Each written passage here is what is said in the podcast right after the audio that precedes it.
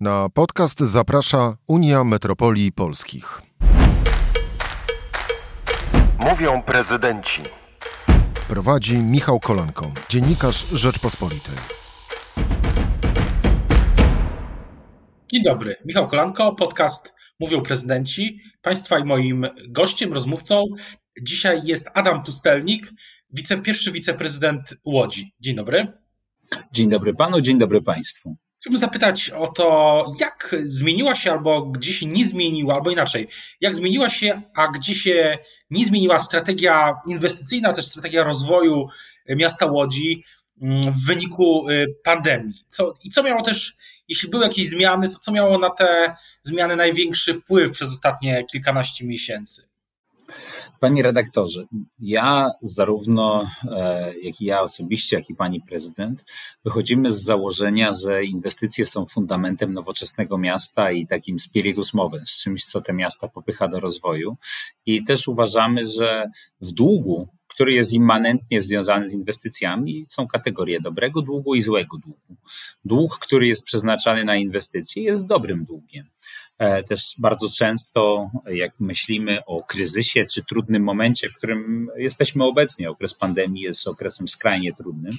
Natomiast e, te inwestycje jako taki czynnik stymulujący koniunkturę, stymulujący rozwój są szczególnie ważne, więc pomimo kryzysu na radykalne spowolnienie inwestycji nie mogliśmy sobie pozwolić i, i e, też tego nie zrobiliśmy.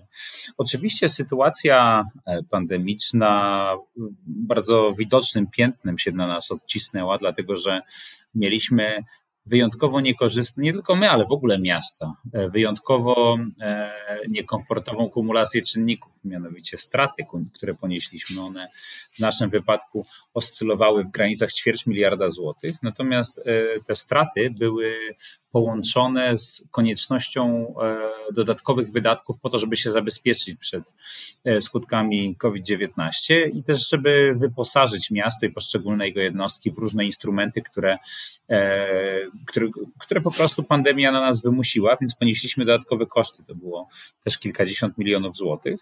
Natomiast nawiązując do, do, do, do, poprzednio wypowiedzianych przez siebie zdań, tej dynamiki inwestycyjnej i inwestycji strategicznych nie odstąpiliśmy i tej dynamiki nie zmniejszyliśmy. A, a, czy te, a czy te inwestycje, o których Państwo myślą teraz, to są w jakiś sposób się zmieniły? Są inne od tych, o których myśleli Państwo jeszcze te kilkanaście miesięcy temu? Nie. Na pewno, e, na pewno pandemia zmieniła ten nasz gospodarczy ekosystem i wpłynęła na wiele różnych dziedzin życia, natomiast te strategiczne projekty inwestycyjne, projekty infrastrukturalne utrzymaliśmy i nie zmieniliśmy naszego poglądu na te najważniejsze inwestycje w związku z pandemią. No, te potrzeby i horyzont planowania jest zdecydowanie szerszy i nie jest krótkoterminowy i te nasze priorytety rozwojowe nie uległy zmianie pomimo, e, pomimo dość dynamicznej rzeczywistości za oknem. A na ile e, jak pan ocenia, na ile, czy, czy i na ile zmieniły się e, same potrzeby na przykład inwestorów, jeśli chodzi o e, ten okres ostatnich kilkunastu miesięcy? Czy tutaj też jest raczej kontynuacja, czy widać jakieś nowe, nowe akcenty? Bo ja rozmawiam z samorządowcami, prezydentami, siłą, prezydentami miast już bardzo już dłuższy czas. Pamiętam, wszystkie te rozmowy jeszcze przed pandemią były tam już było widać, że wtedy zmieniały się potrzeby inwestorów, którzy więcej mówili o tym, że trzeba, pytali w mieście na przykład o jakby to opisywali samorządowcy, pytali o to, jakie w mieście jest właśnie, jaka jest jakość życia, już mniej pytali o infrastrukturę. I czy, czy zastanawiam się właśnie, czy ten, na ten proces, który pan też pewnie obserwuje, pan też jest, pan też oczywiście siłą rzeczy nawet dużo lepiej niż ja widzi, czy to pan też widzi jakieś zmiany, no jeśli chodzi o samą pandemię, czy coś tutaj jakieś inne akcenty też się, nowe akcenty się pojawiły. Wydaje mi się, że pan redaktor jest przesadnie skromny. Jestem przekonany, że mógłbym się od pana wiele nauczyć, ja i moje otoczenie. Natomiast e, jeszcze raz robiąc pół kroku w, e, w tył, e, te wydatki majątkowe i tych inwestycji nie obcięliśmy, dlatego też, że znaczna część z nich nie jest jedynie związana z inwestycjami infrastrukturalnymi, drogowymi, mostowymi i, i, i tego typu podobnymi, ale znaczna część z nich jest dedykowana, związana z podnoszeniem podnoszeniem jakości życia w mieście właśnie. Więc y, tym bardziej byliśmy przekonani o tym, że ich redukcja nie wchodzi w grę, nie jest możliwa, nie jest zasadna, a ponad wszystkim ich nie chcemy. E, więc y, na około miliarda złotych e, przeznaczymy na inwestycje e, całościowo w 2021 roku i ogrom tych inwestycji jest na pewno związanych e, bezpośrednio bądź pośrednio z podnoszeniem jakości życia w mieście. Co do inwestorów, zgadzam się z Panem, że tutaj ten krajobraz mocno został dotknięty przez, przez pandemię i jej skutki i zmieniło się bardzo wiele rzeczy. Na przykład E, zmieniło się spojrzenie na przestrzeń biurową ze strony inwestorów i w ogóle na intensywność tego rodzaju inwestycji. Na pewno znacznie, znacznie wzrosła intensywność inwestycji mieszkaniowych. E, też ta pandemia uwypukliła, jak ja nie chcę powtarzać tego sformułowania w nieskończoność, no ale nie, nie znam lepszego synonimu. E, te inwestycje i podnoszenie jakości życia jak to jest istotny, jak bezalternatywny kierunek pokazał pokazała pandemia, szczególnie obecność zieleni w przestrzeni publicznej, e, obecność stref, e, stref do wypoczynku, stref do spędzania wolnego czasu, e, pokazało, że to, jest, że to jest coś, na czym ale też nie tylko łodzianom, bo to jest kierunek uniwersalny, bardzo zależy i to jest jedna z najbardziej, z najbardziej istotnych dziedzin życia miasta. Dlatego też z tego miliarda, o którym panu powiedziałem, bardzo duża część to inwestycje w parki, w rewitalizację parków, E, w tworzenie parków kieszonkowych, generalnie w zazielenienie miasta. Właśnie, ale też, czy, czy, można postawić taką tezę, że jeśli ktoś, e, mówiąc to tak obrazowo, jeśli ktoś z samorządu myślał, że może po macoszemu traktować kwestie jakości życia, albo tak hasłowo, bo to, to się czasami też e, zdarza, tak z moich obserwacji wynika, to po, to po pandemii, czy w trakcie pandemii już i tak jak pan powiedział, jest jasne, że ta droga nie może być traktowana hasłowo, tylko jest y, jak najbardziej namacalną i realną y, no, kwestią na pierwszym miejscu. Tak, to, to, jeśli ktoś tak myślał, to, to, to, pandemia ze zdwojoną brutalnością mu pokazała, jak bardzo jest w błędzie, bo e, to, e, jak, ogromne e, części społeczeństwa zostały przeniesione na, e, na, na, formułę pracy zdalnej, e, nagle okazało się, że ta przestrzeń zielona w mieście, ta infrastruktura do spędzania czasu wolnego, do spędzania czasu poza domem jest zupełnie kluczowa do tego, żeby w ogóle takie miasto funkcjonowało, żeby ludzie chcieli w nim żyć. I e, my mieliśmy dość podobne wnioski jeszcze przed pandemią, bo Łódź jest miastem specyficznym, Łódź jest miastem przemysłowym, nie jest miastem, które szczególnie się kojarzy z e, bujną, dziką przyrodą. Natomiast co ciekawe, jesteśmy jednym z miast, które mają największy udział zieleni w przestrzeni, miejskiej, w przestrzeni miejskiej, dlatego strukturalnie byliśmy na tą pandemię stosunkowo dobrze przygotowani, ale już wcześniej na to, e, na to alokowaliśmy ogromne środki. Teraz ta pandemia pokazała, że to był dobry kierunek i jeszcze to zwiększamy, więc ten udział parków w mieście, udział zieleni poprzez, poprzez różnego rodzaju działania skutecznie zwiększamy i na tym odcinku w sposób szczególny tych inwestycji i obranego kierunku nie chcemy zmieniać. I to jest, to jest nie tylko zieleń, to jest e, e, to, to, są inwestycje w ogóle w taki, się ładnie nazywa, przemysłem czasu wolnego. Po prostu w stworzenie dobrych warunków do życia w mieście. W ramach tych inwestycji również jest orientarium, to jest rewitalizacja, to jest transport niskoemisyjny, to są inwestycje, e, z, które mają na celu lepszą retencję wody, więc e, to, to jest cała, cała sekwencja, kompleksowa sekwencja działań, które mają doprowadzić po prostu do tego, żeby w mieście się lepiej żyło i żeby ludzie się w tym mieście e, lepiej czuli. Co ciekawe, na przykład do sfinansowania części tych inwestycji jako pierwsze duże miasto w Polsce wy, wyemitowaliśmy tak zwane zielone obligacje na kwotę przeszło 100 milionów złotych, którymi sfinansujemy e, część projektów, które e, w naszym mniemaniu podnoszą jakość życia w mieście. A na ile w tym wszystkim jak się wszystkim ma ten program, mieści ten program rewitalizacji kamienic, bo e, w Łodzi, tak jak, pan, tak jak, tak jak pan wspomniał, Łódź, każde miasto ma swoją specyfikę, ale Łódź wydaje się pod tym względem to jest zwłaszcza miasto, w którym no, siłą rzeczy rewitalizacja kamienic ma duże znaczenie. Jak się to wpisuje w te, te trendy, o których mówiliśmy, mówiliśmy wcześniej, na ile to jest e, trudny projekt, bo jeśli chodzi, jeśli dobrze się, o ile się nie mylę, jego finansowaniem to jest złożona kwestia.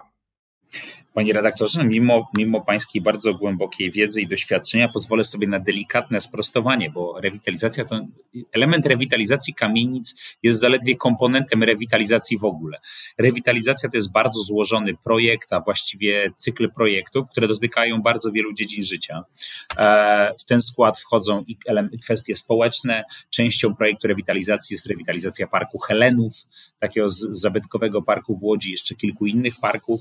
To jest e, bardzo wielowymiarowy zestaw e, przedsięwzięć, które po prostu mają tchnąć nowe życie, głównie w centralne obszary miasta e, i poprawić ich jakość. Częścią projektu rewitalizacji są tak zwane UNERFy, czyli inspirowane niderlandzkimi rozwiązaniami ulicy o ograniczonym ruchu z elementami zieleni. E, to są wspomniane wcześniej parki kieszonkowe, to są też elementy infrastruktury i, i, i ten transport niskoemisyjny, place zabaw, więc to są, proszę pana, e, te kamienice są oczywiście takim najbardziej wyrazistym elementem i są w epicentrum procesu rewitalizacji, natomiast bynajmniej nie są jedynym jego elementem. E, jest to bardzo kompleksowy zestaw działań. A właśnie, skoro, skoro już jesteśmy, mamy, mówił Pan o Wonerfach i o ogólnie zmianach w tkance też centra, centrów miast, to tak się zastanawiam, jak się Pan odnosi do tej debaty, którą, która się zwłaszcza w Warszawie, chociaż pewnie nie, chociaż nie tylko oczywiście toczy, dotycząca zwężania, e, zwężania e, zmian po prostu przebudowy centrum tak, aby było mniej tam miejsca dla samochodów, więcej przestrzeni dla rowerów, ścieżek rowerowych, oczywiście zieleni i, i tak dalej. Na ile Pana zdaniem to powinny być radykalne kroki, a na ile, na ile nie? O, tak bym to ujął. Panie redaktorze, jak każde odważne działanie, które zmienia status quo, no, ma swoje cienie i blaski. E, my w ten projekt unerfizacji Łodzi, chociaż on czasem jest e, wykorzystywany jako amunicja polityczna przeciwko nam, natomiast my w to wierzymy.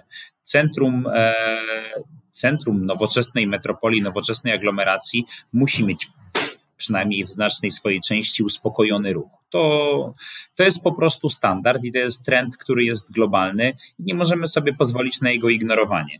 To zalesianie, albo inaczej, wyposażanie ulic w zieleń i stymulacja rozwoju usług w parterach, że pojawiały się restauracje i kawiarnie, generalnie ruch i życie, jest czymś, co w moim mniemaniu jest bezalternatywne.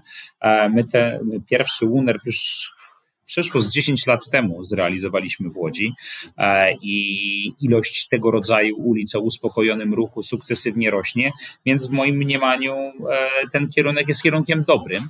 Co do, co do gruntu warszawskiego, trudno mi jest go ocenić, mimo że przez parę dobrych lat funkcjonowałem w Warszawie. Natomiast e, nie chciałbym e, nikomu suflować rozwiązań, jak, jak, jak, radykalne powinny to być ruchy. Natomiast nie widzę dlatego, dlatego alternatywy, ponieważ e, centrum bez ulic o uspokojonym ruchu, bez e, klimatycznych zakątków z restauracjami, z kawiarniami, to po prostu nie jest funkcjonalne centrum. Ale też, też pytam o to, bo to, to nie jest, wydawałoby się, debata polityczna, tak? Ale ja mam takie wrażenie, że ponieważ polityka wchodzi w tak wiele sfer, czyli tak wiele sfer życia staje się polityką, w sensie takich kulturowych, jak sprawy rowerowe, samochodowe i tak dalej, to w jakimś sensie debata o centrach miast i mm, o tym, jakich ludzie, jakie ludzie mają nawyki w tych centrach miast, czy e, impulsem właśnie jest, czy, są nawyki e, takie jeżdżenia samochodem, czy rowerem, też nie każdy chce, nie każdy może. To też jest w jakimś sensie debata polityczna. Nie wiem, czy pan też tak to ocenia. Nie mogę tego ocenić inaczej, bo ma Pan po raz kolejny rację. No, tak po prostu jest. E, niestety, i to muszę z przykrością stwierdzić, że polityka wchodzi w obecnej rzeczywistości dużo głębiej w życie niż wchodziła w przeszłości. Teraz trudno, trudno wskazać temat, który jest tematem niepolitycznym. E, i, i, I tak też jest z UNERF-ami. Na pewno nie można e, zignorować e, argumentów czy głosów w dyskusji e, grup społecznych. E, więc e, radykalizm działań nie wiem, czy w polskim wypadku jest wskazany. Natomiast to jest też kwestia dialogu ze społeczeństwem. W moim mniemaniu działania ewolucyjne i odpowiednie ich tłumaczenie, i odpowiednie ich tłumaczenie, pokazywanie, jakie korzyści płyną e, z e, tego rodzaju działań, szczególnie w centrach, jest e, kluczem do sukcesu. To po pierwsze, a po drugie, w moim mniemaniu, to, to uspokajanie ruchu w centrum, co jest tendencją o, o charakterze, o charakterze globalnym jeśli jest opakowana odpowiednią sekwencją działań, niekoniecznie musi, e, niekoniecznie musi uderzyć e, w interesy czy w komfort życia wielu osób, które były przystosowane do funkcjonowania wedle innych standardów. Panie prezydencie, jest e, pytanie o politykę, bo też zaczęliśmy niejako ten wątek. Zastanawiam się, jak pan spogląda na te pomysły, które są teraz w tak zwanym polskim ładzie dotyczące inwestycji. Bo idea jest, jak rozumiem, taka, że część że samorządy będą miały niejako na stałe taką subwencję inwestycyjną poprzez specjalny fundusz, który będzie kompensował spadek wpływów, jeśli chodzi po, po tych zmianach podatkowych, tak mówiąc w skrócie.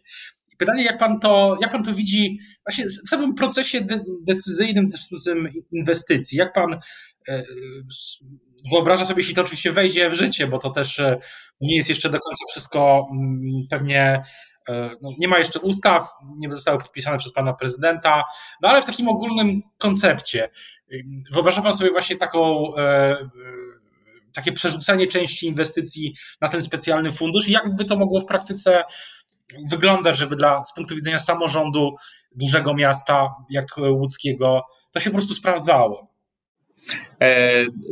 Panie redaktorze, to jest bardzo dobre pytanie. E, robiąc, e, chciałem uzupełnić swoją poprzednią wypowiedź tak w, kontekście tej unerfizacji i w ogóle organizowania tego życia, e, czy inwestycji zmierzających do podnoszenia jakości życia w mieście. My tutaj opieramy to wszystko na tak zwane idei współtworzenia. Przyjęliśmy cały nowy dokument strategiczny w tym celu. E, mamy co do zasady intencje włączania niemalże w każdy element naszego procesu decyzyjnego mieszkańców, taka e, bardzo daleko idąca forma demokratyzacji. E, przechodząc do kwestii podatkowych, ten Słusznie pan zauważył, że założenia Nowego Ładu na razie są tylko założeniami. Natomiast patrząc na to e, tak na pierwszy rzut oka, bo jeszcze projektów nikt z nas nie widział, jest to przedsięwzięcie z perspektywy szczególnie dużych miast bardzo ryzykowne i ten fundusz, który ma kompensować te ubytki budżetowe, on nie zakłada paru, paru elementów, które się składają tą strukturę finansów miasta. Mianowicie, nawet jeśli część wydatków inwestycyjnych zostanie skompensowana, to przecież e, ubytek w tej całej strukturze podatkowej, głównie ze względu na e, zmniejszanie strumienia dopływu PIT-u, e, on nie rozwiąże problemu z, znacznego spadku przychodów bieżących, które nam zjadają, przepraszam za tą nową mowę, ale które nam zjedzą ogromną część tak zwanej nadwyżki operacyjnej. Nadwyżka operacyjna w mieście to jest innymi słowy zdolność kredytowa to w znaczny sposób uszczupli naszą możliwość finansowania projektów. Nie, po pierwsze, nie mamy gwarancji, że e, ten fundusz, który ma uzupełniać pewne luki, że ten fundusz będzie rozdzielany transparentnie, że nie będzie rozdzielany w oparciu o pewne kryteria polityczne trzymam kciuki, żeby tak nie było. Natomiast na chwilę obecną i po różnych doświadczeniach z Funduszem Inwestycji Lokalnych takie obawy wydają się zasadne. E, to jest jeden element. Po drugie, e, miasto w pewnym sensie wtedy traci kontrolę nad swoim procesem inwestycyjnym. Kolejnym elementem jest to, że jak w ogóle patrzymy teraz na politykę podatkową i finansową państwa, ona jest e, w pewnym sensie sprytna, a z perspektywy, y, z perspektywy miast skrajnie wręcz ryzykowna, ponieważ zarówno inflacja, jak i wszystkie działania, działania finansowe władz centralnych powodują stymulację przychodów z VAT-u, których wyłącznym beneficjentem jest rząd centralny, natomiast robią to wszystko kosztem podatku PIT, który w największym stopniu szedł do samorządów, idzie do samorządów, w tym miast. Więc e, rząd finansuje znaczną część swoich przedsięwzięć kosztem strumienia podatkowego, który do nich e, w najmniejszym stopniu idzie, stymulując strumień podatkowy, który do nich w największym stopniu idzie. I w moim mniemaniu, nawet jeśli dojdzie do stworzenia tego funduszu inwestycyjnego, to ze względu na przyczyny, które przed chwilą panu opisałem, Moim zdaniem on nie załatwi sprawy i nie będzie rozwiązaniem, dlatego że tych wydatków bieżących e, nam to nie skompensuje, tych przychodów bieżących. I problemu z tą nadwyżką operacyjną, czyli e, innymi słowy, zmniejszanie naszej zdolności kredytowej, to też nie rozwiąże i to też będzie zmuszało nas, biorąc pod uwagę e, reżimy, które ograniczają zadłużenie, w których funkcjonujemy, będzie zmuszało miasta do redukcji wydatków bieżących, czyli tych, które przekładają się na życie mieszkańców, albo e, będzie e, stwarzało ryzyko, że miasta będą mogły przekroczyć dopuszczalny limit zadłużenia, o ile się go nie zliberalizuje, bo nie wiem, jakie są, e, nie wiem, jakie są plany. Na razie nie widzieliśmy, na razie nie widzieliśmy tych projektów, więc one będą zmuszały włodarzy miast do redukcji wydatków, zmniejszającej jakość życia mieszkańców albo odciskającej się na tej jakości życia mieszkańców, więc to siłą rzeczy włodarzy, szczególnie dużych miast, postawi w bardzo trudnym położeniu. I na pewno fundusz inwestycyjny kompensujący inwestycje e, tego problemu, który przed chwilą panu e, zaznaczyłem, nie rozwiąże. A to jak będzie wyglądał ten fundusz Polski Ład, poznamy szczegóły być może w ciągu najbliższych kilku tygodni. Ja chciałbym zapytać na koniec jeszcze o coś jeszcze, bo pan przeszedł do samorządu ze sfery, z, z, sektora prywatnego. I pytanie jest, ja się zastanawiam, jakie są pana obserwacje, co jest, co okazało się tutaj, mm, jakie jest, jakie jest pana, pana, jakie są pana wnioski, jeśli chodzi o to przejście? I co, co pana dobrze, co pana miło zaskoczyło, a co e, nie było takim wcale dobrym zaskoczeniem, jeśli chodzi o funkcjonowanie i przejście z tej jednej sfery kultury organizacyjnej do drugiej sfery, no jednak dosyć e, innej, różnej, nastawionej na inne cele niż sektor prywatny. E, panie redaktorze, e, ja przed swoim epizodem w korporacji pracowałem wcześniej w samorządzie, więc powiedzmy, to, to zderzenie to nie był dla mnie szok kulturowy. I mam na korzyść samorządu i w ogóle pracy w instytucjach publicznych, na korzyść. Nie wiem, czy to jest właściwe słowo, ale taka korporacja duża, ona ma wiele cech wspólnych z administracją. Takie korporacje są również szczególnie notowane na giełdach, są bytami bardzo sformalizowanymi. To są takie bardzo duże, komercyjnie funkcjonujące urzędy. Menadżerowie w wielkich korporacjach mają ogrom obowiązków administracyjnych i mimo, że inna jest ich struktura i rodzaj, to to jest, to jest dość duże podobieństwo. Bardzo duża liczba procedur, formalności, struktur e, czy bytów. E, na pewno e, tym, co jest dużym problemem władzy publicznej, e, nie tylko samorządowej, ale i centralnej, jest e, taki opacznie rozumiany system checks and balances, który może w krajach anglosaskich się sprawdza, natomiast powoduje, że wiele instytucji trzyma się w permanentnym szachu niekoniecznie w oparciu o przesłanki e, ekonomiczne czy merytoryczne, tylko niestety bardzo często polityczne. Ten szach procedur, e, szach e, wzajemnej instytucji, szczególnie będących po różnych stronach politycznej barykady, jest czymś, co paraliżuje rozwój, paraliżuje proces decyzyjny i utrudnia podejmowanie decyzji korzystnych dla obywateli, dla mieszkańców. Więc to jest na pewno ten element, że nie wszyscy grają do jednej bramki, który odróżnia przynajmniej dużą część sektora prywatnego od publicznego. Natomiast co jest taką, e, co jest dla mnie ogromnie pozytywne, e, patrząc e, przez pryzmat administracji, w której pracuję, jest tu ogrom ludzi o niesamowitej głębokiej, o niesamowicie głębokiej wiedzy, o bardzo wyspecjalizowanych kompetencjach, którzy uważam, że w sektorze prywatnym ze swoim sposobem myślenia, ze swoją głębokością wiedzy i ze swoją taką sprawnością operacyjną, spokojnie odnaleźliby się w nawet najbardziej wymagających korporacjach, o ile by chcieli.